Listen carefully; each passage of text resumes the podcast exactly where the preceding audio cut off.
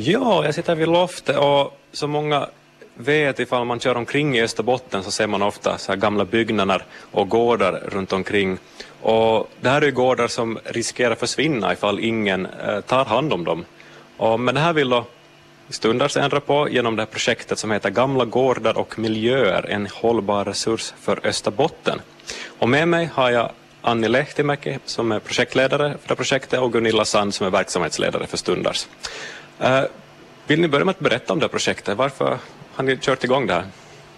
Ja, no, den naturliga bakgrunden är ju förstås att vi har Stundas museum som är faktiskt Finlands tredje största friluftsmuseum med, med 70 byggnader. Och och de flesta av dem kom ju till Stundas i Solv i Korsholm på 70-talet, också 80 och 90-talet. Och då var det ju oftast sådana byggnader som de hotades av rivning och de skulle ha helt enkelt försvunnit eller förstört som inte då Stundas skulle ha tagit hand om dem. Uh, sen bredvid har vi ju parallellt också ett bostadsområde där det finns eh, um, 18 familjer som har också de här traditionella klassiska bondgårdarna med uthus och loft och, och bodar och så. Och, och vi, vi märker ju liksom och har märkt i många år att det finns ett intresse och behov bland allmänheten. Också turister förstås blir ju imponerade av den här byggnadsmängden. Men, men lokalbefolkningen, allmänheten vill veta mera. Och, och, och vi tyckte då att eh, att det här, det här måste vi liksom ta tag i. Och försökte på olika sätt men var väldigt glada nu att vi fick den här LIDE-finansieringen och kunde starta upp det här utbildningsprojektet. Vad, vad kommer ni göra i det här projektet? Hur kommer, ni, hur kommer det se ut? Eh, uh, no, vi har tänkt att vi har kurser och föreläsningar och sen olika evenemang och studieresor och, och de där därmed i de där evenemangen sådana byggnadsvårdscaféer som är kanske något nytt på projektet. Ja, och det här projektet är för gamla gårdar, men hur gammal ska en gård vara för att den ska räknas som gammal just? Gården, är ett hus från 60 eller 70-talet gammalt eller ska det vara ännu äldre?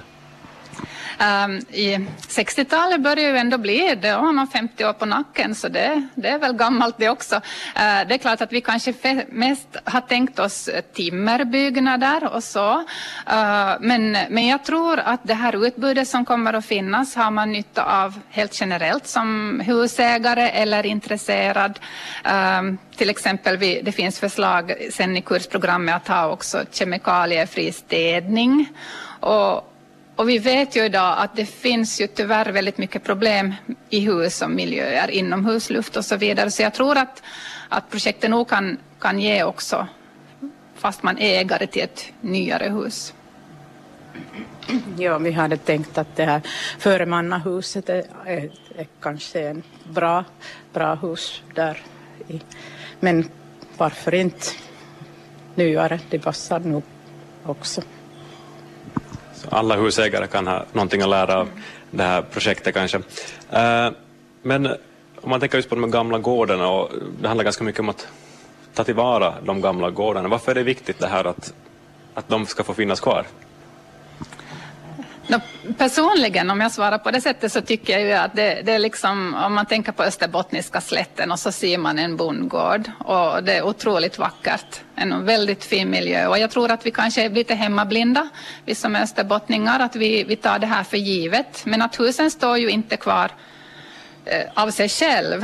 Eh, utan vi, vi måste göra åtgärder och, och så här. Och, um, det är väldigt viktigt för vår identitet, om vi använder fina ord på det sättet.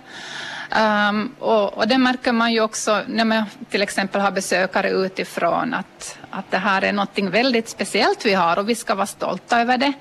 Och, men, men just att det står inte heller kvar automatiskt utan vi behöver vårda det och ta hand om det och, och gärna se till att det kan fortsätta att finnas 100 år till, 200 år till och så vidare. Ja, man borde bevara och, och, öka just den här uppskattningen så att, att också unga människor kan se det värde de där gamla husen har. Ja, hur stort är intressen att, att ta tillvara sådana gamla gårdar? Det känns som en sån här trend som går, kan gå lite upp och ner ibland, intresse, men hur, hur verkar det överlag vara just nu? Alltså det finns ju en allmän trend om man tänker sådär lite större teman, alltså om man tänker det här är ju en slags hållbarhets tänk som finns här. Um, man uppskattar ju nog det här lokala, men det vi har kanske tyckt att man inte vet hur man ska göra. Uh, alltså man vill, men man har inte liksom de här verktygen. Och då, därför har vi försökt snickra ihop det här kurspaketet och det här projektet just för att ge lite svar på de här frågorna och ge lite verktyg och hjälp på vägen. För att um, vi vill nog, tror jag, många vill nog faktiskt använda de här husen och, och, och uppskatta det, men, men just bara kanske att komma igång, att få början på det. Mm. Ja, människor kan komma just till de där byggnadsvårdscaféer och fråga att vad, vad de borde göra och, och hur kan de starta och, och på det sättet. Och sen på hösten börjar det här kurser och det ska man göra tillsammans. Det här Korsholms institut. Ja, och att ta tillvara en gammal gård är, kan ju ofta vara ett ganska stort projekt, speciellt om det är ett riktigt äh, gammalt hus. Äh, hur intresserad behöver man själv vara för att ta sig an ett sådant projekt? Räcker det att man är lite så att lite intresse eller behöver man verkligen vara liksom en eh, driven? Va, vad säger ni? Ja, det där kan Annie säkert... Ja, det, det är liv, livets lång process kanske det att det är inte bara det att, att man, man gör någonting utan man måste göra hela tiden och tycka om det. Det, det är nog faktum att man kan göra det. Mm.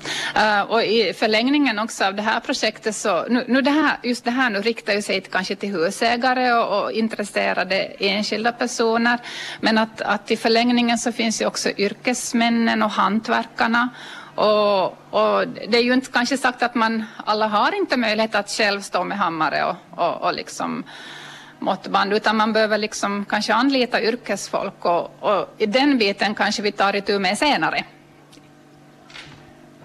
Ja, det är, ju, det är just så som Gunilla sa att, att, att, man behöver inte göra själv allt och inte kunna allt. Det är bara att man tycker det räcker.